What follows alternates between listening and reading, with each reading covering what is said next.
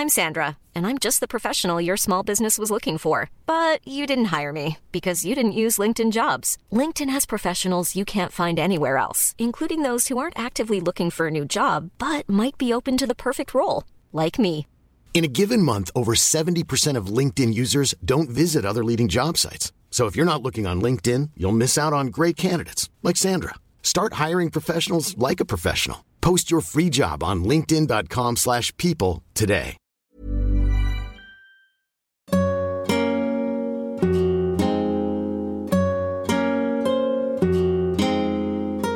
Dag taler jeg med Jan Elhøj. Mit navn er Jan Elhøj. Jan kalder sig selv for en alt mulig mand.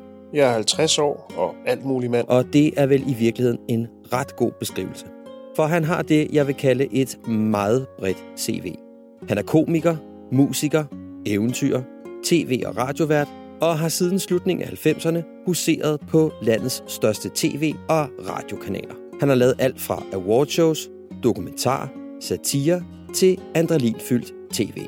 For øjeblikket kan du se ham i tv-programmet 0 Stjerner, hvor han og hans faste rejsemarker, Morten Kirchhoff, finder de værst bedømte hoteller og seværdigheder og undersøger, om et noget skidt udgangspunkt gemmer på de største eventyr.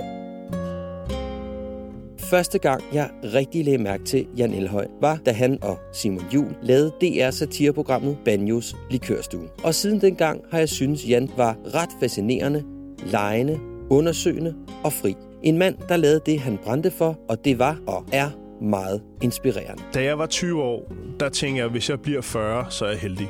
Hvem er han egentlig inde under hans hættetrøje og de markante briller? Hvad er det, der har formet ham og gjort, at han har valgt at leve det liv, han gør? Er det hele bare gak, løjer og tilfældigheder, eller ligger der noget bevidst dybere bag?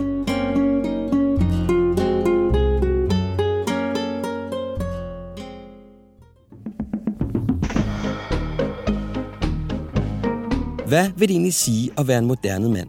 Og hvilke ingredienser skal der til for at opnå et godt forhold, både til sig selv, men også til sin partner? De spørgsmål og mange flere taler jeg om med mænd, som jeg beundrer og finder inspirerende, og spørger ind til, hvad deres livserfaringer har lært dem, for at blive klogere på min identitet som mand. Velkommen til Handkøn.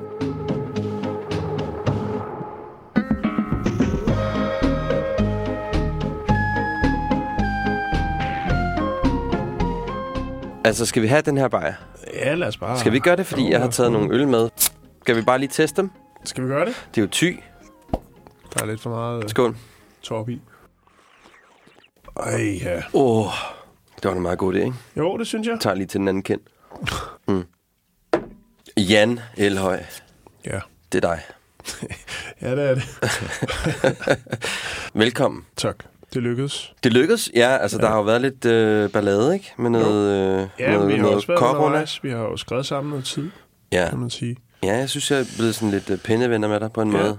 Men øh, det er... Jeg, jeg tænker heller ikke, du er den værste pindevinder her. Det er jeg sgu meget glad for, at du siger. Ja. Jeg tænker, jeg, altså, jeg tænker, vi lige sådan skulle hoppe lidt op i helikopteren først. Ja. Hvordan synes du, øh, det går med manden? Øh, jeg synes faktisk, det går bedre. Ja. øhm, med manden.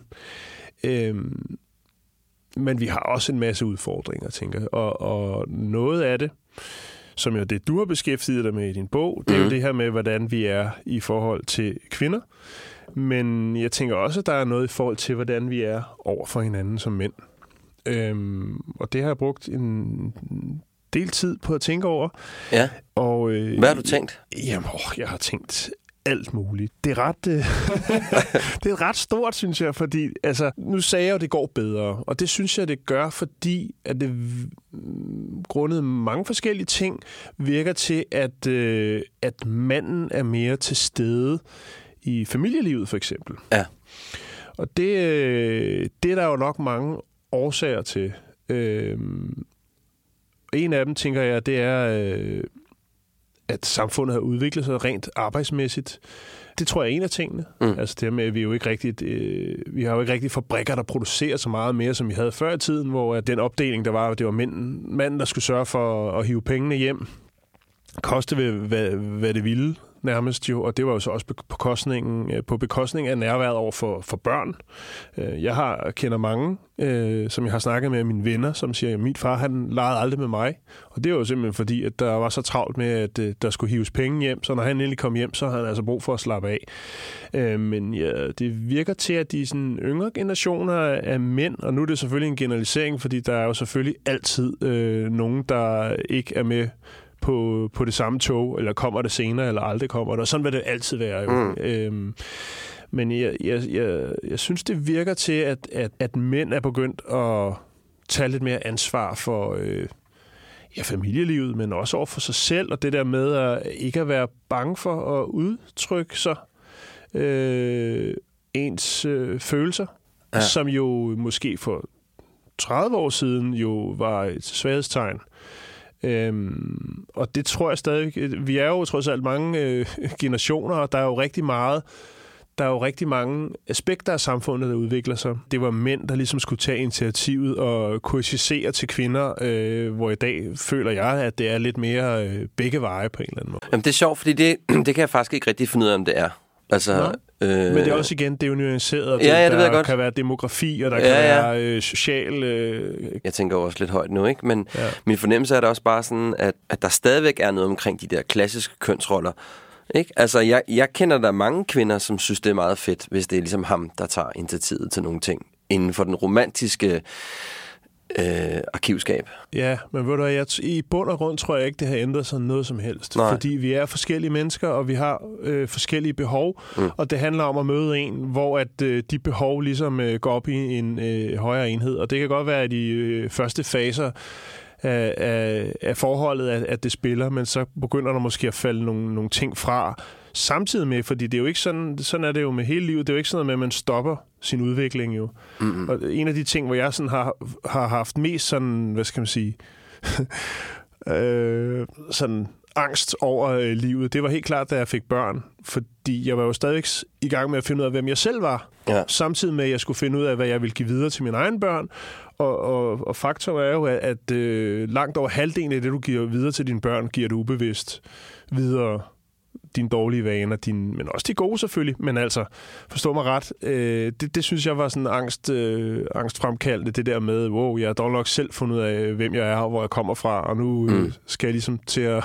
Men for mig er det vigtigt det der med, at, at, at man er nødt til at se nuanceret på tingene. Altså, at der er, der, vi er jo, øh, vi har jo forskellige holdninger til alt, og, og, og jeg tror aldrig, at den dag kommer, hvor vi bliver enige om noget som helst. Men hvad er din holdning, tænker jeg? Hvad tænker du, når du kigger sådan? Så hvordan har Jans ja. udvikling været som mand, fra den, han, da han var i starten af 20'erne til nu? Den har været vild, men, men det tror jeg skulle... Øh, det tror jeg egentlig hele mit liv har været. Jeg tror, at det, der har været min force, er, øh, at at jeg er en meget, meget ung alder mm, begyndte at reflektere over, øh, hvad øh, mine udfordringer var ja. i livet. Man kan sige, det har gjort, jeg har, jeg tænker, og jeg tænker stadigvæk meget over øh, jamen, både udviklingen af samfundet, men også af, af, af os mænd. Jeg prøver at gøre det så godt, som jeg kan. Og det er jo vigtigt at sige, det er jo ikke nogen undskyldning. Mm-hmm. Ja, øh, for mig handler det om, at man øh, er ærlig over for sig selv, og finde ud af, hvad ens stærke sider er, og ens svage sider er. Mm. Og så ikke at lyve over for sig selv. Jeg synes, der er rigtig mange, der lyver over for sig selv, eller har et eller andet selvbillede, hvor man kan stå udefra og tænke, det er jo ikke sådan, du er. Det kan godt være, det er sådan, du vil fremstå, men det er ikke sådan, du er. Og det er noget, som jeg har arbejdet øh, meget med mig selv. Det der med ligesom at sige, øh, jeg ved godt, hvad mine øh, svage sider er. Jeg ved godt, øh, hvad skal man sige, øh, jeg kan godt mærke, når jeg ligesom, hvad skal man sige, indtager en eller anden rolle øh, kvæg en eller anden situation. Ja. Øhm, men, men det, for mig øh, har det været sådan lidt sådan en, en øvelse, som, som altså at, at sige, åh, oh, nu, øh, nu reagerer jeg sådan her. Ja. Og så være bevidst om, hvorfor er det, jeg reagerer, eller siger, eller gør, som jeg gør. Og hvis, hvis jeg føler i hvert fald, at når jeg har fået bedre kontrol over det, så bliver jeg også et bedre menneske. Ja, så altså måske have en større bevidsthed om din færden igennem livet. Ja. Yeah. Kunne man sige det? Ja. Jeg har, sgu, øh, jeg har lavet ret mange ting i mit liv, øh, fra, altså, og der er nogle ting, der har, har præget mit liv og stadigvæk gør det, men for mig handler det om at blive bevidst om, hvorfor det er, at jeg reagerer, øh, som jeg gør. Og det synes jeg efterhånden, jeg vil have meget godt styr på, faktisk. Ja. Øh, men det er jo ikke ens betydende med, at det ikke ligger i underbevidstheden og i, øh, hvad skal man sige, i, øh, i reflekserne, at man lige pludselig står i en situation, øh, hvor man har, har gjort, sagt et eller andet, fordi at det ligger øh, i ens underbevidsthed. Ja, det ligger på ryggraden også, ja. ikke? Men så skal man jo bare øh, være, være god til at sige undskyld. Ja. Er det, har det været sådan en udvikling, hvor at du er gået fra at være sådan, måske lidt ubevidst omkring, hvem du er og hvad du står for, til at være en person, der måske godt ved, at der er nogle ting, mm. der ikke er super fede, eller ting ved dig, som du måske godt kunne tænke at gøre bedre, men du er bevidst omkring, at der er, at hvad der er i dig, sådan cirka. Ja, ja, jo, jo, jo. Altså, jeg vil sige, da jeg var 20 år, der tænkte jeg, at hvis jeg bliver 40, så er jeg heldig. Hvorfor tænkte du det? fordi at jeg havde alt for meget øh, lort i bagagen øh, fra min barndom af, og, og øh, altså, som jeg ikke, som jeg ikke kunne, øh, kunne håndtere. Mm. Og, og, hvad skal man sige, ligesom tænkte, hvad, hvad vej er det, jeg skal gå? Altså, jeg, jeg, har, jo, øh, jeg har jo været kriminel, siden jeg var 12 år. Egentlig ikke for at, og, øh, fordi jeg var fascineret af miljøet eller noget, men fordi at jeg var god til det. Ja. Altså, og øh, på et eller andet tidspunkt stoppede jeg op og tænkte, jamen, er det den vej, jeg skal gå i mit liv? Og der har jeg måske været i starten af Jeg har altid haft et fast arbejde, så det er jo ikke... Så, altså, jeg har altid passet mine ting, men, men... Hvorfor var det, at du blev kriminel? Det var for, for spændingen, ja. og fordi jeg fandt ud af, at jeg var god til det. Ja. Hvad, hvad var du god til? Jamen, øh, stjæle og lave indbrud. ja, ja. øh, og, og det, det startede, da jeg var 12 år. Det var også det, jeg begyndte at male graffiti. Øhm, og det er selvfølgelig, det er selvfølgelig udmærket og klar over, at det er jo, hvad skal man sige... Altså, jeg har også kunne se igennem min sådan, opvækst, og, eller sådan igennem min ungdom, det der, at, at der var jo nogen, der var kriminelle af andre årsager, og nogle af dem, de lever ikke i dag, eller lever på gaden, eller hvad det, hvad det nu er. Så jeg har sådan ja. hele tiden reflekteret over, der var sådan bevidst om, at det var jo ikke for pengenes skyld. Altså, men, men hvad var det egentlig, jeg ville sige med det? det? Det var det der med, jo, fordi du spurgte ligesom, hvorfor jeg tænkte, jeg, øh, ja, hvorfor hvis du jeg var heldig, hvis jeg blev ja, 40. Ja, det var simpelthen fordi, jeg havde så meget, øh, jeg havde så meget øh, ubearbejdet inde i min krop. Mm. Altså en, en, en nylig teori, jeg har, har fået af mig selv. Min mor og far, de blev skilt, da jeg var tre år. Min far, han var alkoholiker, og jeg, jeg tror, den, den, den skilsmisse, mm, den øh, satte sig hårdt i mig. Og, jeg tror faktisk, det, det er en ny teori, jeg har, fordi øh, da jeg var tre år, fik jeg eksem. Ja. Meget kraftig eksem. Øhm, og brugte stort set øh, hele min, øh, alle mine teenageår på at gå til forskellige øh, læger og naturlæger for at finde ud af, om der var noget, jeg var følsom overfor. Det var der ikke. Der, den har aldrig givet udslag. Så min teori er lidt, at det eksem kom, fordi jeg simpelthen havde så meget øh, jeg sige, affald i, ja. i, i, i krop og sind. Øhm, Altså, det var, altså, det var ikke bare, du ved, lidt tør hud. Det var sådan så, at øh, jeg sov med bomuldshandsker, og min øh, hud, den sprækkede, og jeg kunne ikke bøje fingrene om vinteren og sådan noget. Og der er min sådan, nylige sådan, tanke omkring det, det, det var sgu nok, at det var simpelthen fordi, at øh, der var nok ikke forståelse fra nogle steder fra omkring, hvad min sådan, indre situation var. Plads til din eksistens. Ja, og jeg har gået på fem forskellige skoler, du ved, og alle de, alle de der ting, som man nu gør, fordi at man jo altid kan, øh, som barn kan, øh, hvad skal man sige, reagere eller få opmærksomhed, eller hvad man nu søger, ved at larme mest. Ja. Eller, du ved, lave ballade, eller hvad det nu kunne ja. være. Det er jo, det er jo meget klassisk... Øh, reaktionsmønster. Altså, jeg begyndte i en ret tidlig alder, det har også været omkring 12 år, begyndte jeg at søge ind mod København. Øh, gik på ungdomsklubben Thomas Behejle, hvor alle, der dansede breakdance som alle graffiti kom. Men skiftede du skole meget, fordi at du var en øh, ballademager? Eller? Jeg koncentrere mig og lavede for meget. Jeg for meget ballade? Ja, for meget sjov, ikke? Og så, ja. Øh, ja, så kom jeg lidt, lidt rundt i systemet, og, jeg tror egentlig, jeg tror sgu egentlig, at jeg kan takke mig lidt selv for, at jeg ikke, øh, altså jeg vidste godt, når det var for meget, eller hvad man skal sige. Altså, mm. jeg røg ikke sådan ind i systemet på den måde. Du kørte lidt på kanten? Jeg kørte lidt på kanten, og det var jo også en kunst. Ja. ja. øh, men, men, øh, men, men jeg tror altså netop fordi, at, at jeg som barn aldrig sådan er blevet spurgt, eller altså, hvordan har du det, øh, gjorde også, at jeg en ret tidlig alder begyndte selv at prøve at finde ud af, hvordan jeg havde det. Nå, men du, man kunne sige, du kunne også godt have valgt øh, at sige, fuck det, og så bare køre over kanten, ikke? Præcis. Ja. Hvorfor ja. tror du ikke, at du gjorde det?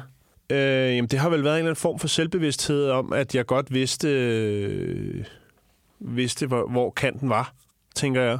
Ja. Altså, fordi det er selvfølgelig klart, at, at, at når man er inde i, i, i nogle miljøer, hvor... Altså, sådan er det jo i alle miljøer. Der er jo altid nogen, der lige skal stikke hovedet lidt højere op. Øhm, og så begyndte jeg jo bare at se det så lidt udefra, og, og nærmest dyrke det som sådan nogle studier, og tænke, jamen, hvorfor er det, han reagerer sådan der? Hvorfor er det ham der, han har behov for det?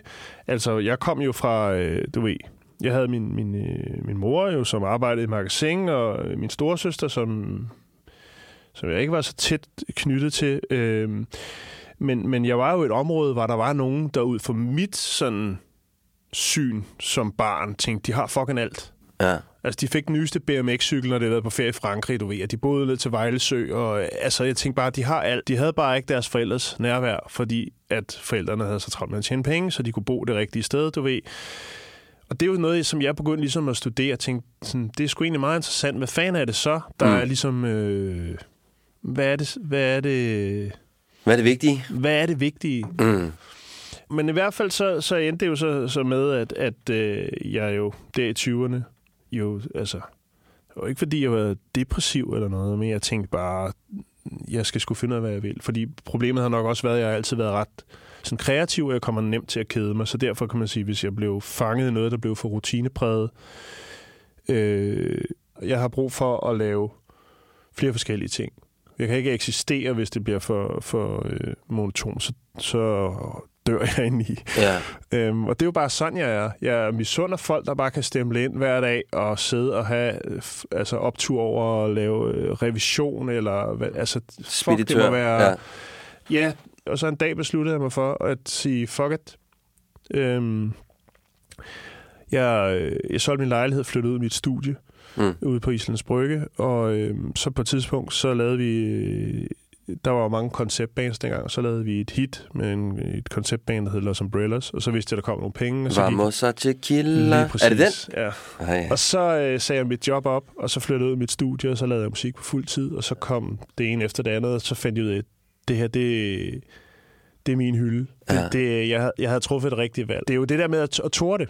Mm. Det er jo det der med, at, og det, sådan er det jo også i dag, øh, at, at folk siger, jamen, hvordan tør du? Du har ingen uddannelse, og øh, øh, hvad med pension, og hvad med din? Altså, folk har så mange bekymringer, Mm. mm. synes jeg, Mm. mm. i stedet for bare at fucking gøre det. Hvis de, hvis de kommer til at mærke mere, at de lever, og de bliver nogle gladere mennesker, så, skal man, så synes jeg, man skal gøre det, fordi, altså... Har du, har du gjort dig sådan nogle tanker om, øh, hvad, hvad, hvad det egentlig er, dit formål er? Altså, øh, har du sat, dig no, har du sat nogle ord på det? Jeg vidste, du ville spørge. Ja, ja, men det er jo... Øh, altså, den her gang Øh, hopper vi bare lidt rundt i det. Ja, ja. Øhm, hvad mit formål er... ja. Hvad vil du gerne bidrage med? Ja, og der snakker vi ikke om, øh, så vidt jeg husker, så er du ikke interesseret om det er i forhold til familierelationer, Nej. og sådan noget, men mere til, til verden. Ja, hvad er din mission i verden? Med? Hvad for en flag går du rundt med? Hvad står der på fladet? Ja, jeg, øh, jeg, jeg håber, jeg kan inspirere folk. Mm. Øhm, og det tror jeg også. Altså, jeg er, jo, jeg er jo lidt mellem, hvad kan man sige, det er jo også noget, der har gjort, at jeg har, har ændret, altså skiftet sådan arbejdsretning nogle gange, fordi jeg synes, jeg var blevet lidt for indimensionel over for folk. De opfattede mig kun som værende sjov. Jeg mente, jeg havde nogle lidt andre lag, jeg også kunne byde på, men det virker som om, det virker okay nu, fordi der er folk, der er unge mennesker, der skriver til mig om alle mulige ting. Altså, mm. hvis de har det dårligt med sig selv, eller hvordan de skal gøre i forhold til deres arbejdsliv, fordi de er inspireret af mig. Og Hvad du tænker, du inspirerer med, så? Mm, det er et godt spørgsmål, men det virker som om, de er inspireret af, at jeg ligesom, de valg, jeg har truffet, altså bare sige, nu laver jeg det, jeg synes er sjovt, og så må, altså, og så bare gøre det. Mm. Altså, Det er måske også noget med at ture og gøre det, man brænder for.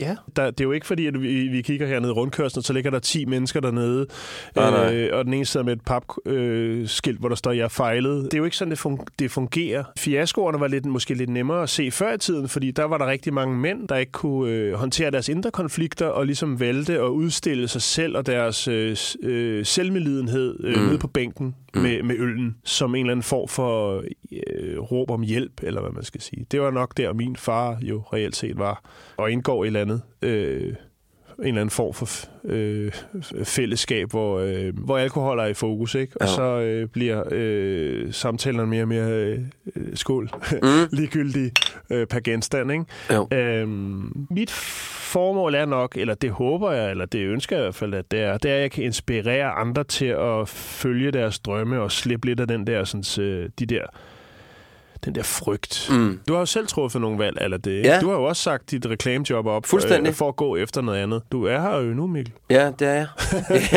Jamen, det er rigtigt. Ja, det er Og, det. men det er jo også fordi, vi er jo bundet op på nogle øh, fra samfundets side, eller øh, fra vores øh, medborgers side, mm. hvad er kriterierne for et succesfuldt liv. Øh, jeg, jeg, og det, det synes jeg lidt er noget, man skal tage fat på og sige, jamen, fuck det. Hvad er det for et, et kapløb, vi er med i? Oh, nu har naboen fået en ny bil. Jamen, så må vi hellere også, fordi at, øh, og de skal jo også se, at det går godt.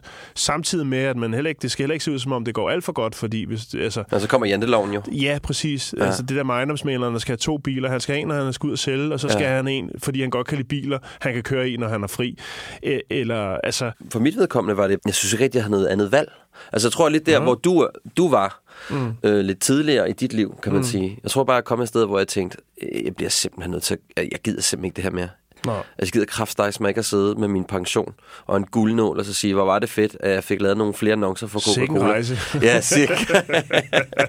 sikke en rejse, det var, ikke? Men, men og, og det er det, jeg, jeg synes, det der er det vigtigste i det, og det, det handler sgu, øh, det handler både om det, det handler om, at man skal, man skal, man skal, man skal acceptere andres valg. Der er ikke noget valg, der er bedre end andre, fordi der er også, jeg synes det, som jeg sagde tidligere, jeg synes det er fantastisk, dem der kan, kan stadigvæk kan finde energien eller inspiration i, eller hvad det nu er, der driver dem, at de tænker, "Nå, men så kan vi krydse af der og sige, "Nå, men så øh, har vi det om Det- måneden, og så ja. kan vi komme på den ferie. Det. Dem, der kan det, fuck, jeg gad godt at kunne have det sådan. Så man kan sige, i teorien ved du ikke rigtigt, hvad du laver om fem år. Overhovedet ikke. Du, bliver, det- du drives bare af den her fornemmelse af, at du vil gerne inspirere til, at Ja, og så kan man sige, jeg har jo, jeg har jo, altså der har jo også været øh, op, op og nedtur, øh, både mentalt og økonomisk og øh, alt muligt andet, men, men, men altså, jeg er her jo endnu, mm, øh, og jeg kan sgu meget godt lide liv, livet, og, og jeg har ikke brug for at, at bruge mange penge på noget. Jeg har, altså, jeg har boet, altså jeg har solgt min andelslejlighed på Vesterbro og i mit studie og øh, levet af havregryn og havde det egentlig fint, fordi jeg lavede noget, jeg godt kunne, kunne leve. Det andet var sekundært. mm, Øhm, og, og det ville jeg kunne gøre til hver en tid. Altså, jeg kunne, kunne bo en skurvogn, hvis det var det. Så længe man har det godt, og det giver mening. så lang tid du driver dit formål. Ja, så, så øh, for at vende tilbage til, hvad du spurgte om, så vil jeg sige, at jeg håber på, at øh, jeg kan inspirere folk til at, øh, altså, at slippe lidt af den der, øh, den der frygt, angsten for, øh, altså fordi at i værste tilfælde kan det jo ende med, at man sidder der i mål, Mm. og så tænker, hvad altså, hvorfor, hvorfor fik jeg aldrig gjort, gjort det? Også fordi jeg tror, man lærer meget, men man bliver klogere på sig selv som menneske, hvis man tager nogle, nogle, nogle chancer. Og det, og det er jo igen det her med at rejse. Når du kommer ud og oplever andre kulturer, så får du også en større kulturel forståelse over for andre øh, mennesker og andre kulturer, som er noget, øh, man, man kan bruge. Køb en billet til Litauen eller noget. Tag, altså det der med, at man kommer lidt på udebane, så lærer man noget om sig selv, og man lærer noget om andre mennesker. Ja. Altså, og det gør man sgu ikke, øh, hvis man tager kun tager de der... Til Mallorca det, med altså, Jeg kan godt forstå, at man har brug for at, at slappe af. Det er jo ikke, fordi jeg vil tale den ferieform ned. Jeg har også selv været der. Øh, Altså, der kommer jeg aldrig. nej, men jeg, jeg vil også sige, at jeg har aldrig helt været der. Nej. Jeg har prøvet det, fordi at, at, at øh, hvad skal Ja, jeg jeg, godt jeg vil har have respekt det. for det, men... Mm. men, men, men Det, det kan jeg ikke. Jeg kan, øh, det, det der buffet og noget med en eller anden klovn, der hedder Bobo, der skal stå og gøjle, hvor man bare ja. tænker, det er en eller anden... Øh, stakkels øh, arbejdsløs elektriker, som, øh, som nu skal stå og hive øh, penge hjem til familien ved at ja. få sådan en dragt på og stå og sveder og dehydrerer. Øh, altså, øh, altså, men det er, jo, sådan, det er jo bare mig, der tænker sådan nogle ting. Men, ja. men jeg har ikke selv, jeg har altid prøvet, især efter jeg er blevet skilt, ligesom at sige, vi kan godt tage en ferie med en pool, men det skal være noget, hvor det er Italien, hvor det er sådan noget, øh, du ved, en eller anden nedlagt vingård, hvor der er 10-15 lejligheder og en pool og noget, og det er ude i naturen og sådan. Så jeg ligesom prøver at give det videre, ja. fordi jeg kan ikke de der store øh, hoteller med buffet og sådan noget. Men igen, det skal man jo acceptere, det er der også nogen, der har brug for. Der er nogen, der har, har brug for den ferie. For. Mm. Der er også bare det der med, ikke? Altså, netop det med at sige, hey, skal vi ikke tage den der weekend til Ystad Salsjølbad, ikke? Jamen, det, der skal man aldrig tage over. Nej, der skal man ikke tage. Nej, det er det dummeste. Du får sikkert også fodvorter. Men, men det, det, det sted kan, eller det det er blevet til, og, øh, og det, jeg har så tit tænkt på, at de burde bare lave reklame, hvor de sagde sandheden. Altså, dem, der tager til det der salgsøbad i Ystad der, det er jo folk, der er nyforelsket, eller folk, der er ved at gå fra hinanden. Enig. Eneste, der mødes derovre. ja. Der ligger altså nogle, nogle ret fede hoteller deroppe langs kysten. Det er ikke den samme oplevelse, men det, der, er også, der kan man også godt øh, nyde. Jeg, jeg, jeg synes bare, at det der Ystad, det, det, det, jeg prøver, at der er så mange andre... Altså, tage op til kulden eller noget. Gør noget andet, i stedet for det, hvis I er nyforelskede, og, og hvis I vil gå for hinanden, så... Øh, Lad være med at tage på Ystad. Så snak om ting. Ja.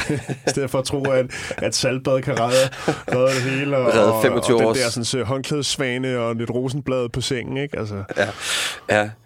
Aftonsmenuen består af... Ja. Kærlighedsbuffeten. ja, ja, lidt champagne. Jeg tænker, at vi hopper lige øh, fire skridt tilbage. Øhm, altså nu startede vi med formålet. Det, det synes jeg egentlig var meget fint. Bare ja, også tak. for at lave noget andet. Så sætter jeg lige et flueben der. Ja, altså fordi så tænker så vi ligesom, så går vi et andet sted hen i dag, ikke? Jo. Du lytter til Handkøn, en podcast om at genfinde mandens identitet. Hankøn bor også på Instagram, og her kan du komme bag kulisserne på min jagt efter at genfinde mandens identitet, få nys om events og gode tilbud. Du skal bare søge på Hankøn. Tilbage til episoden.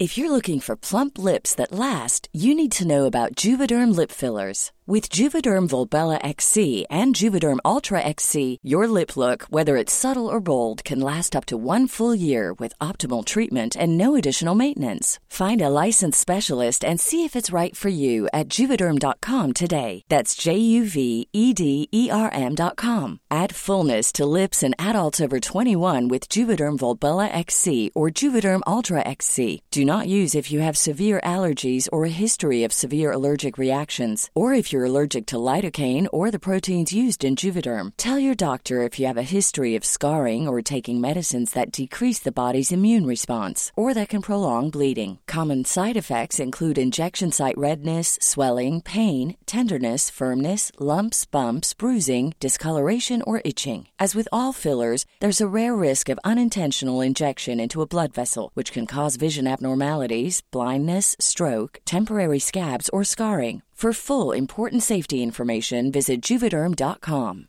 I'm Sandra, and I'm just the professional your small business was looking for. But you didn't hire me because you didn't use LinkedIn jobs. LinkedIn has professionals you can't find anywhere else, including those who aren't actively looking for a new job but might be open to the perfect role, like me. In a given month, over 70% of LinkedIn users don't visit other leading job sites. So if you're not looking on LinkedIn, you'll miss out on great candidates like Sandra. Start hiring professionals like a professional. Post your free job on linkedin.com slash people today.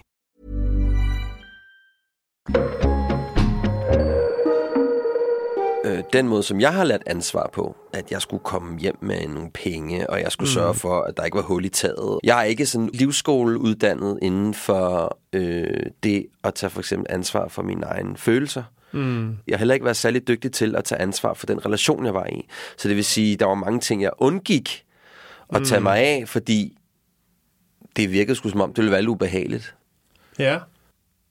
Det kommer jo også meget an på, hvem det er, man har en relation til. Og jeg ja. tænker alle sammen, nu kalder vi det en rejse, eller øh, vi alle sammen er i proces. Det er med i hele livet. Mm. Øhm, og der kan godt være nogle grunde til, ubevidst, at man søger en partner, der er på en vis måde.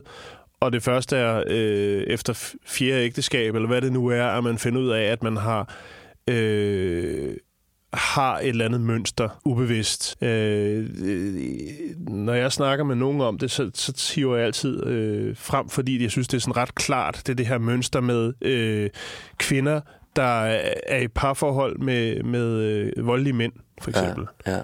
At, at der er ret stor chance for, når de har øh, er i det forhold en gang, så at den næste kæreste, de får, er også en, der behandler dem på den måde. Det, der kan man sådan rigtig, men, men det kan jo være alle mulige øh, andre parametre, men den, den er sådan ret klar. For mig handler det om ikke, hvordan man er over for sin relation, men at man er, man er selvbevidst, at man ved, hvordan man reagerer, ligesom jeg, jeg sagde tidligere. Ja. Hvordan man øh, reagerer, og hvorfor man reagerer øh, eller gør ting øh, bevidst eller ubevidst. Fordi jeg vil sige, jeg har altid øh, været meget bevidst om at gøre mig umage. Altså jeg har jo været, øh, jeg har jo været øh, min, sammen med min, øh, min øh, børns mor i 13 år. ja. Øhm, Men I er skilt nu, ikke? ja, vi er skilt nu. Mm. Jeg har været i parforhold i, øh, hvad er det? Det må være s- 16 år i streg. Øhm, Gik du fra den ene til den anden, eller hvad? Ja, det gjorde jeg. Mm. Jeg har altid synes, det var vigtigt at gøre sig umage.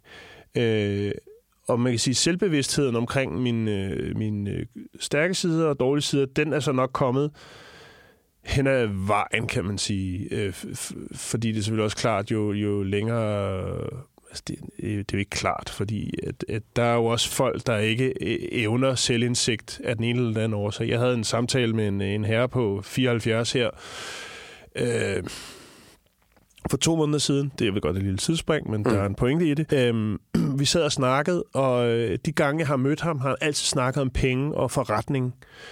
Øhm, og øh, det har altid været sådan noget meget sådan, altså kun penge, penge, forretning, og så kunne man også lige, og så er der noget nede i Polen, jeg kan købe og sådan noget.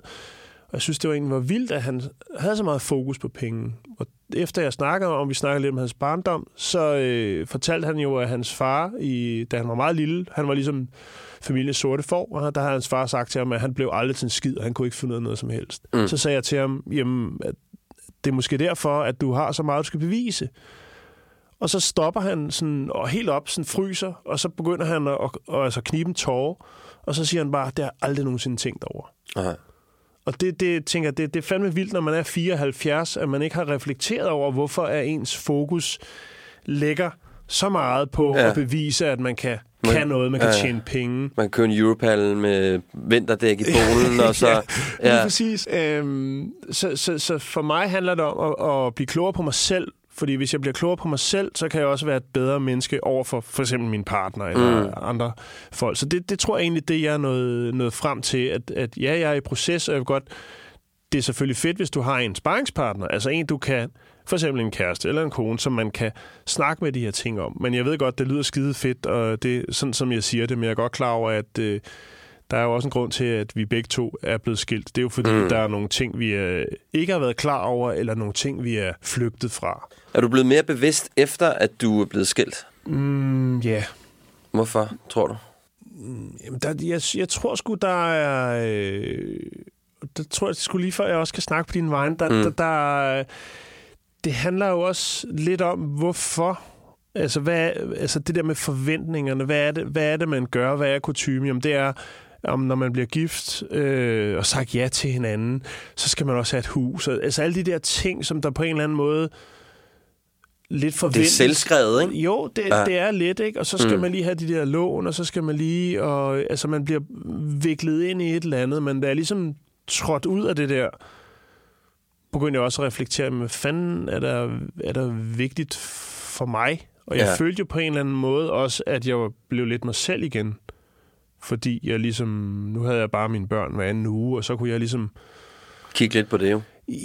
Ja, og måske være mere bevidst om, øh, vil give videre, eller sådan prøve at inspirere dem. Det, som jeg synes giver mening i livet. Altså, og, og der kan man sige, der kan man godt måske, når man er i et parforhold, øh, blive viklet lidt ind i hinanden, så noget af det bliver sådan lidt kompromiser, eller hvad man skal sige. Ikke? Fordi man er, der er nogle ting, man ikke er enige om, eller hvad det nu måtte være. Det er, bare, det er bare en tanke. Nej, men jeg tror, det er gode tanker. Men altså, jeg tror også, fordi... Altså, jeg kan totalt genkende det, du siger. Jeg tror i virkeligheden, der var meget, både for min ekskone og for mig, der sådan, var sådan... Det havde vi bare aldrig rigtig talt om. Nej. Altså, det var bare sådan, det var, at vi skulle have et hus, vi skulle have en hund, vi skulle have to minimum to F3-lån og øh, Ja. ja. hegn og noget værk, Ja. ikke? Altså, det var ikke engang noget, der sådan var rigtig... Øh, det var, det var bare sådan, det var, fordi det gjorde alle mine venner jo også. Altså, det var, Ja, det er jo det. Ikke? Og det er jo, det er jo det, der ligesom er... Øh, altså, det er jo det, der ligesom er blevet opskriften. Kernefamilien. Altså, men, måske er, er fokuset langt vigtigere på nærvær. Det Ja. må sikkert være nogen kernefamilie, men, men, men nærværet, fordi hvis det er, at du ligesom bliver vækket ind i det her med kernefamilien, om så skal man have det der hus, eller altså, man skal have de der ting, men, mm. Men hvis man stræber så meget efter at få de ting, så tager det fokus væk. Øh, Så forsvinder nærværet, fordi du skal have de der penge hjem, øh, og du skal lige de ekstra øh, arbejdsopgaver for at få det til at hænge sammen. Du ender i sådan noget logistikhelvede for at få det til at hænge sammen. Så forsvinder nærværet jo, fordi du er så stresset, og der er også nogle ting, du skal krydse af, men også skal lige huske hinanden i et parforhold. Ja, og så skal man til Ystad Salsøbad. Ja, det tror jeg sgu, jeg blev klogere på først, da jeg ligesom var øh, trådt ud. Men man kan sige, en af mine øh, missioner var måske også, jeg kommer jo ikke fra en kernefamilie, så for mig var det jo ligesom et eller andet, jeg havde brug for ligesom Og bevise. at prøve, eller Ja. altså, øh, ja, hvad Mm. fanden det nu er. Så, så det er jo super nuanceret, fordi der kan jo være mange årsager til det, og, og det er jo også det der med, at man altid kigger på andre, og tænker, hold kæft, hvor har de det godt, hold kæft, hvor er de lykkelige, eller det, men, men du ved, en eller anden dag, Gud forbyde det, der er jo gudskelov nogen, der stadig kan finde ud af at være sammen ja, hele 50 livet, hvor man synes, det er smukt, ikke? Ja. Altså, men, men en eller anden dag, så kan man jo godt se, at det måske ikke var. Netop også fordi man måske i sådan en ægteskabspagt, eller hvad det nu måtte være, jo skal... Øh, altså helst, det skal fremstå, som om alt bare spiller. Ikke? Mm. Altså det bliver sådan et Instagram... Øh, ægteskab, hvor Ja, ja, alt ja. bare er helt perfekt. Ikke? Var du opmærksom på din ekskone og hendes... Altså, tog du ansvar for den relation, du var i?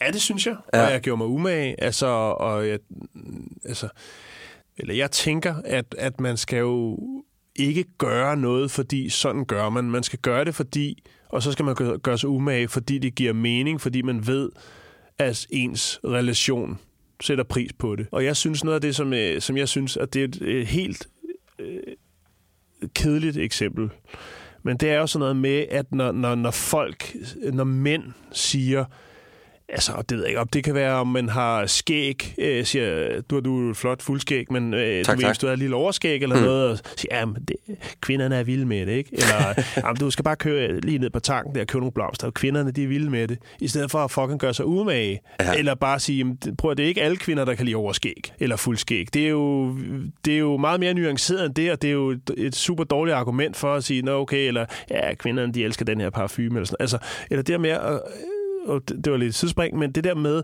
at fordi man ved, at kvinder godt kan lide blomster, fordi det der er bundet nogle historier og noget eventyr og et eller andet op på. Mm. Jeg synes ikke, at man skal gå ned på tanken. Der er masser af blomster, små blomsterforretninger, hvor man kan gå ned, og hvis man ikke har forstand på blomster, eller ikke selv har nogen mening til blomster, så kan man sige, bare sig, prøv at høre, jeg, jeg vil overraske min kæreste eller min kone. Øh, Kan du ikke lave mig en buket til 200 eller 500, hvad man nu synes? Mm. Øh, så har gjort sig umage. Ja. Det, der skal ikke særlig meget til, men jeg, som kvinde, hvis jeg elskede blomster, eller synes, at det, ej, det er en romantisk tilkendegivelse, øh, uden bagtanker, øh, så vil jeg fandme sætte mere pris på det, hvis man kunne mærke, at der var blevet gjort umage, og det ikke bare var noget, der var gjort, fordi det var bundet op på en eller anden opskriften til et langt ægteskab. Ja, eller ja. Fanden ja, ja. Giver det mening? Ja, det giver totalt mening. Mm. Øhm, har du altid været så god til at, sådan, at tage ansvar? Vi har jo talt, talt også lidt tidligere om, at du var ret sådan, en tidlig alder, mm. vil jeg sige, begynder at blive sådan, forstå, at du har et, øh, et ansvar og nogle ting og sager, Nej, ikke? nej, det har jeg ikke. Og det, det er der mange øh, forskellige øh, årsager til. Mm. Mm. Øhm, jeg kan godt nævne to, jeg i hvert fald har tænkt over. Øhm, den ene er, at øh, jeg har oplevet noget, noget, noget svigt som barn, øh, som gjorde, at jeg havde et øh, behov for at stikke af, hvis det blev for svært. Mm. Øhm, og det har også, der har også været sådan 3-4 år, hvor jeg ligesom står med sådan en lille kuffert og siger, nu flytter jeg ned i skoven. Og hvor der så bliver grint af mig, i stedet for at måske tænke over, hvorfor at der står et barn på Altså, altså, fire år ja. og, og, og, og siger, at han vil flytte ned i skoven. Øhm, og det mønster har jeg jo så haft i mine yngre år, øh, kan man sige, hvor at hvis, hvis et forhold blev for kompliceret, så, øh, så trækker jeg stikket på det. Mm. Fordi, og, og det er jo så bevidst om i dag, kan man ligesom sige, at det måske ikke er den mest konstruktive måde, men jeg er godt klar over mønstret i. Øh, der er jeg ligesom kommet videre. Så vil jeg også sige, så har der også været i mine unge dage, Altså, i, i slutningen af for sådan noget 18, og så i, op i starten af 20'erne, har jeg måske også øh, i nogle perioder af mit liv afspejlet øh, noget, som jeg ikke var. Ja. Det vil sige, mange øh, troede, jeg var en værre rod. Det har jeg måske også været, men jeg har ikke været sådan... Der har altid været charme involveret. Det, det har ikke været sådan... Altså, men måske den måde, jeg sådan, ligesom gik klædt, gjorde, at der var, jeg tiltrak nogle piger, som troede, jeg var noget, jeg ikke var, mm. øh, hvis det giver mening. Det altså, giver altså øh, Man kan sige, det, det var jo også sådan noget, hvor jeg ligesom har nødt til lige at sige, hey, hvad fanden er det, hvad fanden er det der sker, at fordi man ser ud på en bestemt måde, så ryger man en eller anden bås, hvor der så kommer nogen hen, som er på en måde, som man jo ikke... Jeg er i hvert fald ikke rigtig sådan... Mm. Det hedder vel på sådan et, et helt uh, reality-tv-agtigt måde, at, at folk tror, jeg var sådan en form for bad boy, ikke? Men det er jo ikke på, på en, synes jeg selv på nogle måder. Nej. Men fordi jeg gjorde og lavede de ting, så var, så var der nogen, der ligesom kunne altså, kategorisere mig mm. som noget, som jeg så ikke var. Hvis du ligesom kigger på, på den relation, du havde med din ekskone, mm-hmm der kan du godt kigge dig selv i spejlet og sige, jamen jeg tog ansvar for det, jeg skulle gøre i den relation. Uden tvivl. Jeg, øh, jeg har gjort mig sindssygt med, at det så ikke... Øh, ja, alle mulige måske, årsager ikke ja, fungerede. Lige, lige præcis. Ja. Men, men, men det, og det er, jo, det er jo så igen det, som jeg faktisk øh, jeg skrev til dig sidst, vi skrev sammen, jeg, mm. jeg tænker meget for tiden. Og en af de ting, som jeg ligesom nåede frem til, og nu kan vi jo ikke bruge ordet rejse, fordi det har Nej, vi ligesom, det har dømt, vi ligesom ud, dømt ud. Men, ja, men, men jeg tror, det er vigtigt, at man aldrig Øhm, hvad hedder sådan noget? blamer. Hvad fanden hedder det? Det hedder sådan... At, Lægger skylden over på andre? Øh, på sig selv. På sig selv? Okay. Ja, og det, Nå, det bliver nødt til at forklare. Ja, fordi jeg, jeg, jeg, jeg forestiller mig alle sammen, vi er i, øh, vi er i en udvikling. Og man kan sige... Altså, det er lidt ligesom den, jeg ved ikke, om det er den rigtige måde at sige det på, men vi alle sammen skal jo i mål. Det vil sige noget, altså, vi skal alle sammen forhåbentlig have, der er langt til målstregen, men mm. vi bliver klogere, og det er forskelligt, hvor henne vi er i det forløb. Så, så, så fordi at, øh, altså, lidt ligesom med ham, øh, den ældre herre snakker om tidligere, det der var jo noget, han kunne have fundet ud af for 20, 30, 40 år ah, siden. nu forstår jeg, hvad du mener. Men, men ja. han, er, han løber måske inderbanen, og det går ikke lige så hurtigt, øh, grundet hans øh, ophav, eller hvad det nu kan være. Mm. Og jeg, jeg tror, jeg er nået frem til, at, at, at man kan sige... Du jamen, gør det så godt, du kan. Man, så længe man gør det, og ja. som jeg sagde tidligere, at man er ærlig over for sig selv, så kan det godt være, at, at din partner eller en, dem, du arbejder sammen med, øh, ikke er så langt øh, fremme i den proces. Men det behøver jo ikke at, at, altså at være, fordi du øh, er et dårligt menneske, eller ikke kan finde ud af nogle ting. Det kan lige så meget være, være dem, og det skal man bare ligesom acceptere, tænker jeg, mm. at øh, jamen, vi, vi, øh, vi var måske ikke på samme niveau, eller øh, lige langt fremme i, i den udvikling, som det ligesom gør. Altså, fordi jeg tror, det er vigtigt, at hvis man selvfølgelig evner det at være ærlig over for sig selv og kunne reflektere over og, og kende sine dårlige sider, så tror jeg heller ikke, man har, øh, skal anklage sig selv for at være udulig eller noget. Fordi, mm-hmm. fordi hvis man er to, jamen så er... Altså, der skal to til tango. Der, der skal to til tango, ikke? Som, man, som man siger. Øhm, og, og så, nu har jeg jo læst din øh, fremragende bog, og der virker det jo også lidt som om, at du på en eller anden måde... Øh, anklager dig selv for at være udulig på nogle punkter. Ja, eller i hvert fald, jeg vil sige, jeg, jeg er ked af, at jeg var så ubevidst omkring mm. min egen rolle i mit liv. Ja. Men, men, men, men ja, måske men det er en proces, ja. Det er jo en proces. Ja, og, enig. Og, øh, nu er du blevet klogere, og du har skrevet, rent faktisk skrevet en bog om det. Mm. Øhm, og det er jo din proces. Det er, det er jo det vigtigste, det er, at du er blevet klogere, og, og øh, sådan vil det jo også være i alle mulige arbejdsrelationer. Det er det jo også i din arbejdsrelation, og du tænker, jamen, jeg er nået til et sted, hvor det her ikke giver mening for mig mere.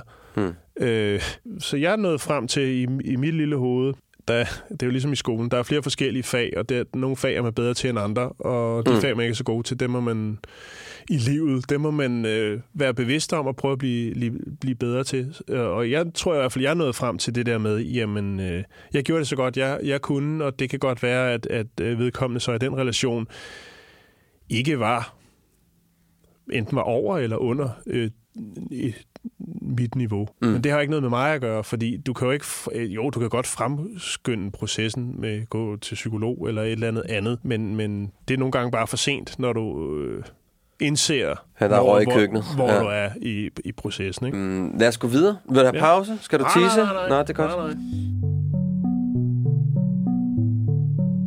Du lytter til Handkøn, en podcast om at genfinde mandens identitet.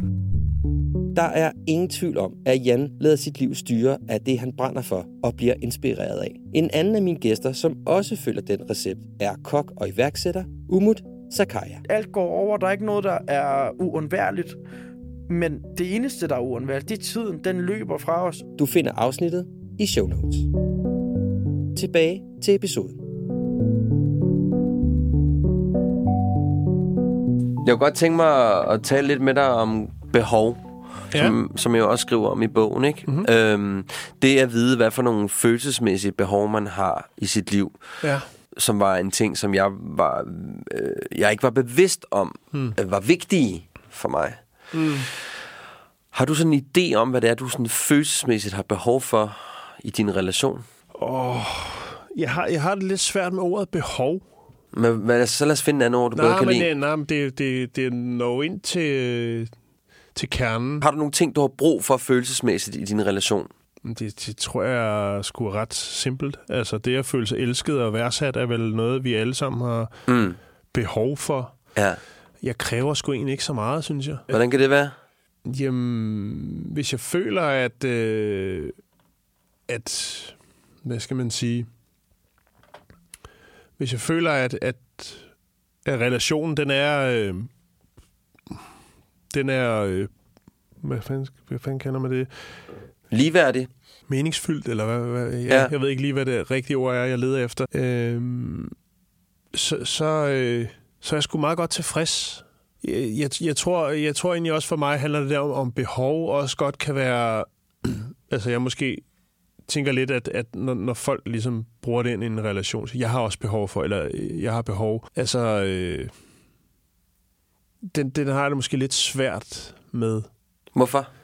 Jeg ved sgu ikke. Øh, Er der ikke nogen, der skal fortælle dig, hvad de har brug for? Jo, bestemt, okay. men, men, men jeg tænker ikke altid, der behøver at være altså, øh, ord på. Altså, hvis man nu har behov for øh, vinterbad, men det ikke siger den anden noget, øh, så tror jeg ikke, at det er nødvendigvis, man behøver at sige, at jeg har behov for... Nej, nej. Bare, altså, forstår du, hvad jeg mener? Jeg forstår, hvad du men, mener, øh, Fordi man kan godt blive øh, viklet ind i sådan en øh, behovspyramide, men Ja, ja. øh, jeg har også behov for agtigt. Lad mig, altså, jeg vil godt give dig ja. et eksempel. Ja. En ting, jeg har fundet ud af, det er i kraft af, at den jeg er som menneske. Mm. Øh, jeg synes selv, at øh, jeg godt kan lide at være lejende og være spontan. Mm. For mig ligger det at være kreativ, det ligger meget i sådan spontaniteten mm. og sådan noget. Men også ja. i spontaniteten ligger lejen også. Mm. Jeg har ekstremt meget brug for at lege i min relation. Mm. Altså det vil sige, altså sådan nærmest fysisk lege. Altså mm. om vi spiller tennis, om vi kaster en papirskugle på hinanden, mm. om vi kan lave fantasiland, om vi kan lave sjove stemmer. Mm. Øh, men at der er plads til det, fordi det jeg har fundet ud af med det, det er, at det tager sgu brøden af det meste, at vi kan have det sjovt sammen. Ja, det er super vigtigt for et parforhold, at man kan grine Ja. sammen. Ja, det er Og jeg det, fuldstændig det er sådan en ting, hvor jeg vil sige, det var jeg jo ikke specielt meget bevidst om i min Nej. tidligere relation. Nej, nej, nej. Det er jo ikke noget, man skal kæmpe for et forhold. Nej. Øh, der er andre ting, man skal kæmpe for i et forhold, men det der er ikke noget, man skal kæmpe. Det er noget, der ligesom, Skal være der. det skal være der. Mm. Og hvis det ikke er der, så, øh, så, så, er det jo ikke, så er det jo ikke det. Kan I hvert fald sige. for dig og mig måske. Ja, lige præcis. Ikke? Jo, men der er vi enige, men vi er jo også begge to kreative, kan man sige. Så det, det Ja. er måske, giver måske meget god øh, mening. Altså, min kæreste, som jeg har nu, vi, vi kan have det fucking grineren sammen. Altså, vi kan grine, Ja. sidde og grine til, til vi græder og sådan noget. Det, det synes jeg Ja. øh, er, Det er fantastisk, Det er ikke? fantastisk. Ja. En anden ting, jeg Ja. ja. for eksempel også har, det er jo, at øh, jeg gider ikke, at der bliver råbt, for eksempel. Altså, jeg, kan, er jeg, kan ikke, jeg kan ikke være i en relation, Og hvor der hvad der også er irriterende? Mm. Det er ligegyldige diskussioner om... Øh, magnese. Ja, hvordan skal tingene stå i opvaskemaskinen? Ja. Altså alle de der... De, øh, Fnider. Der, ja, sådan noget ligegyldigt noget. Ja. Der er ikke... Øh, altså, der, der vil jeg sgu nok også i længden trække stikket, tænker jeg. Ja. Det, det er der sgu ingen grund til at bruge energi på, altså.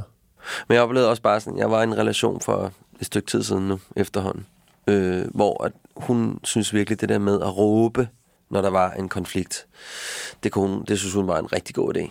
Ja. Men det er jo lidt ligesom øh, i, i nattelivet, ikke?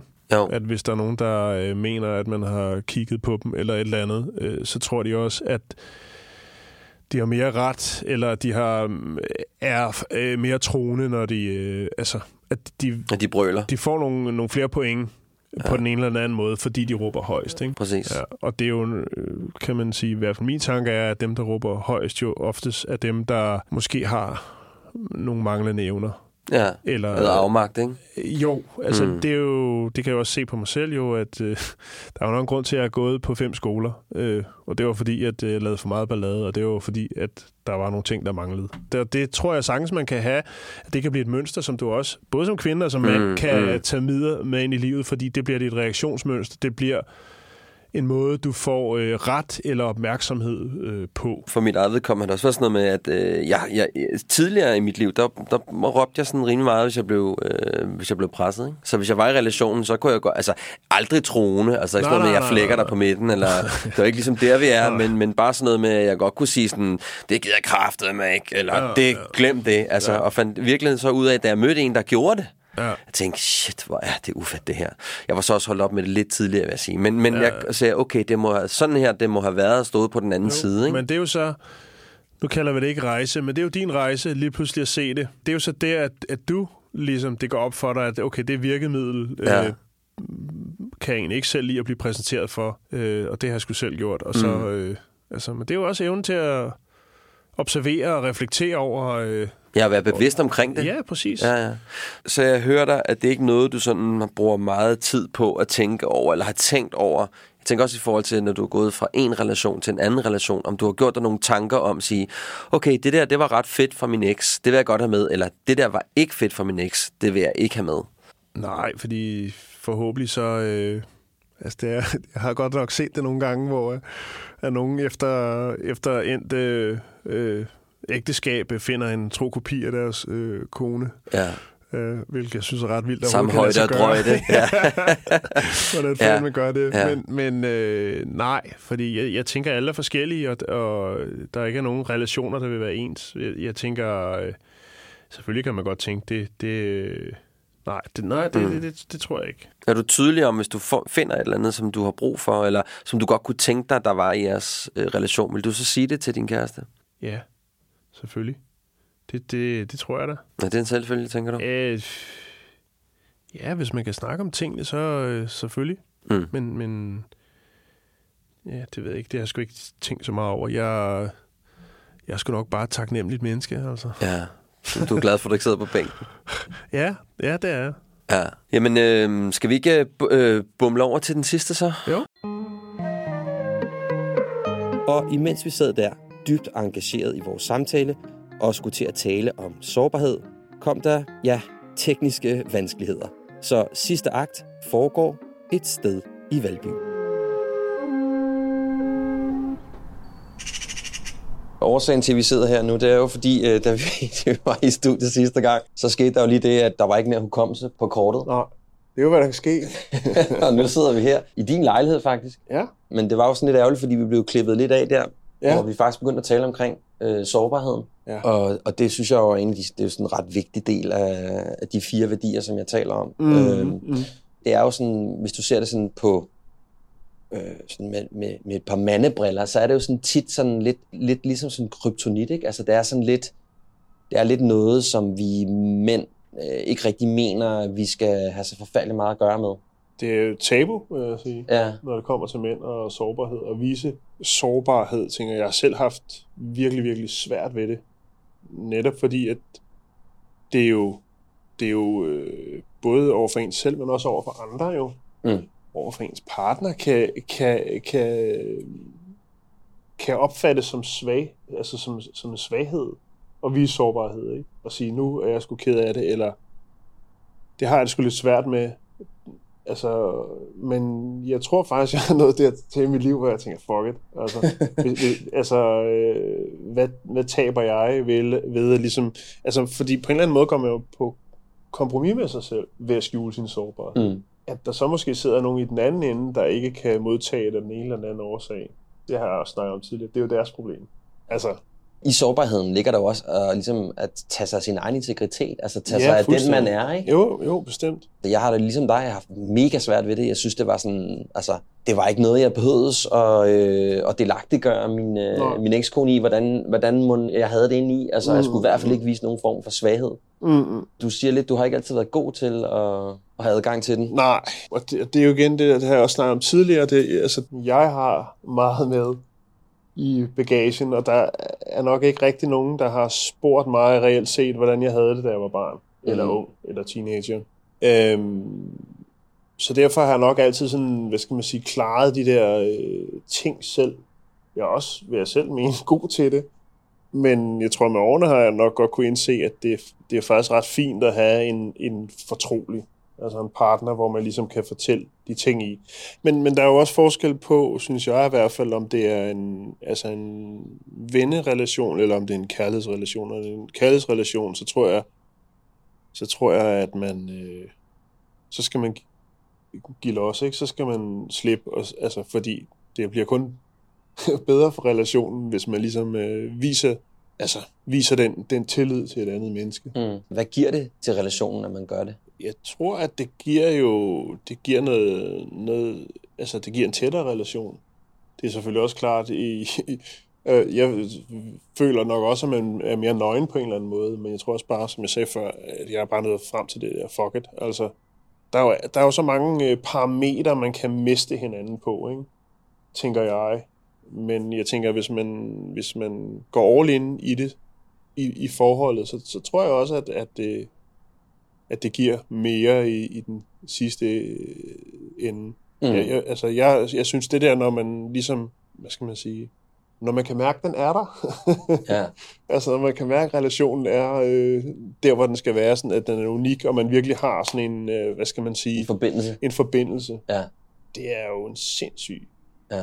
følelse. Og det er jo også i sig selv ret er- sårbart, ikke? Det er super sårbart. Det er jo klart, ja. altså jo, jo flere, jo, jo mere du investerer, jo, jo, jo større er, bliver tabet jo, vil jeg sige. Men, men Til gengæld også meget federe. ja, ikke? præcis. Ja. Jo, jo, jo. Hvordan har du, sådan, hvis du kigger tilbage i dit liv, og når du har været i relationer, hvordan har du så håndteret, hvis du havde været i en sårbar situation med din partner? Mm, så er jeg flygtet.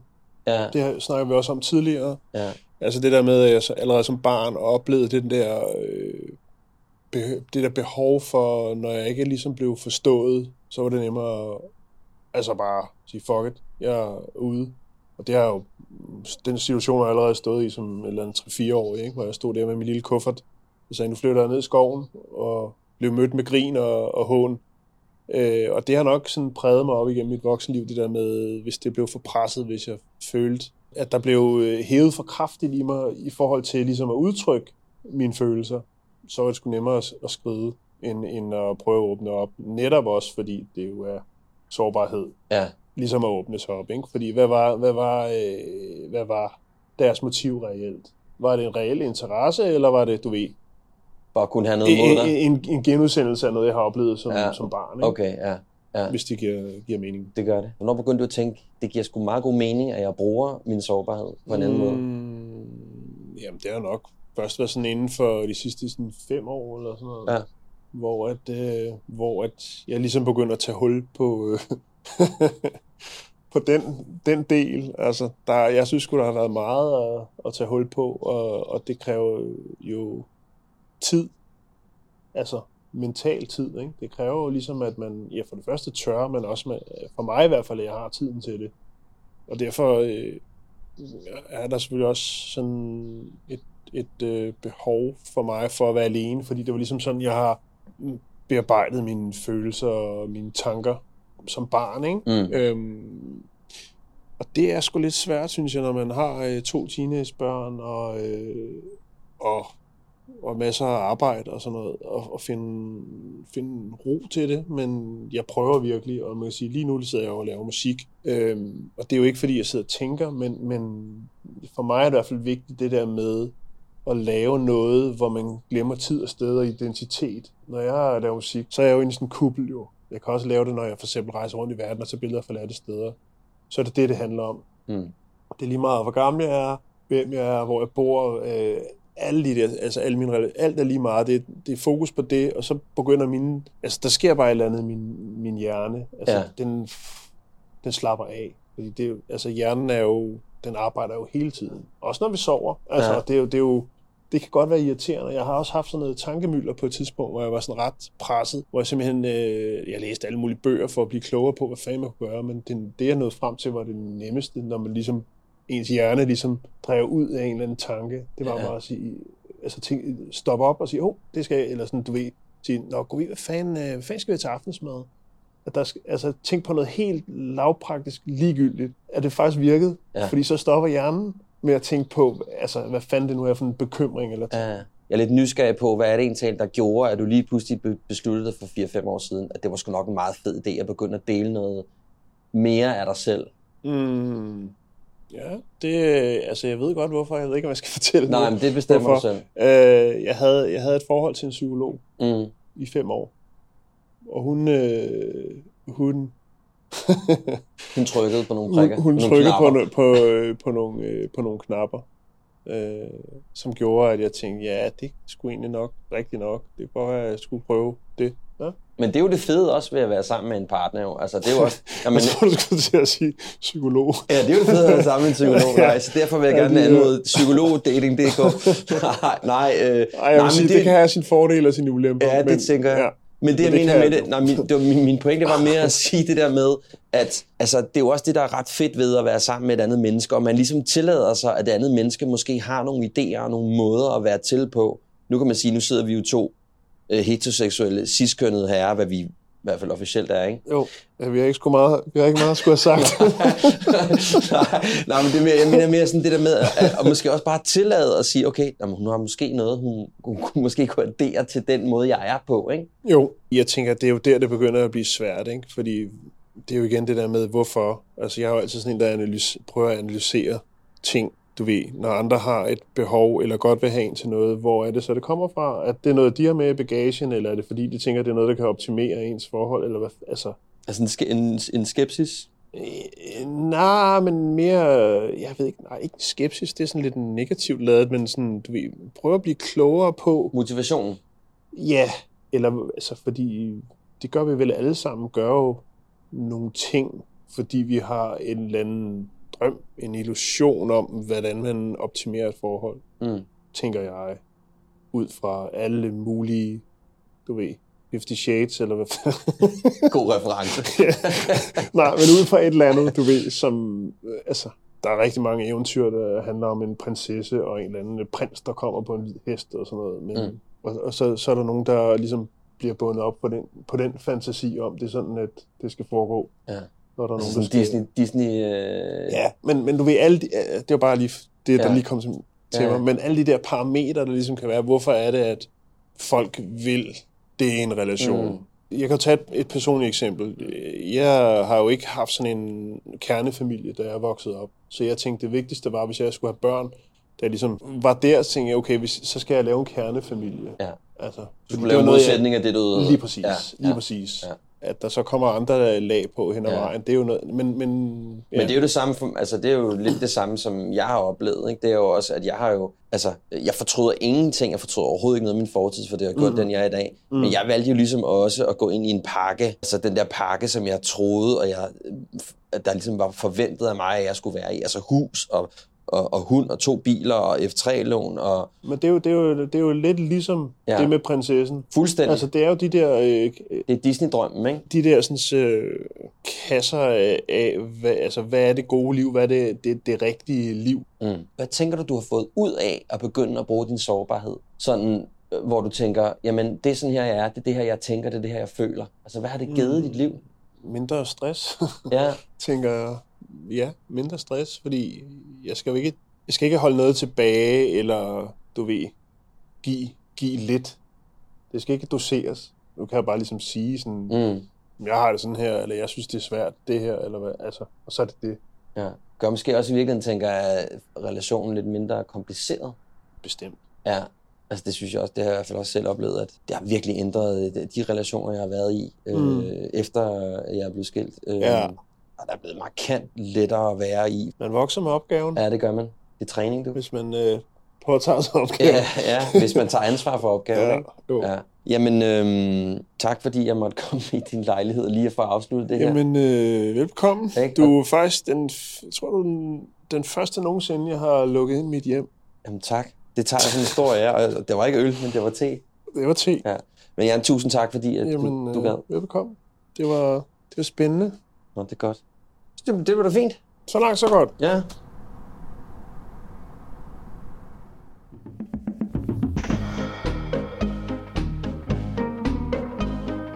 Jeg blev meget inspireret af Jan og hans tilgang til hans formål. At være så fokuseret på at udkomme med det, man brænder for, og være villig til at gøre det, der skal til for at opnå det. Det synes jeg er meget fascinerende. Og jeg forstår godt, hvorfor andre bliver inspireret af ham. Næste gang kan du møde skuespiller og forfatter Johannes Lilleøre. Johannes historie er ikke som de fleste. Kigger du på, hvor han kommer fra og er rundet af, så står det bestemt ikke kortene, at han vil ende der, hvor han er i dag. Indtil vi os ved, så pas lige ekstra godt på dig selv. På rigtig godt genhør.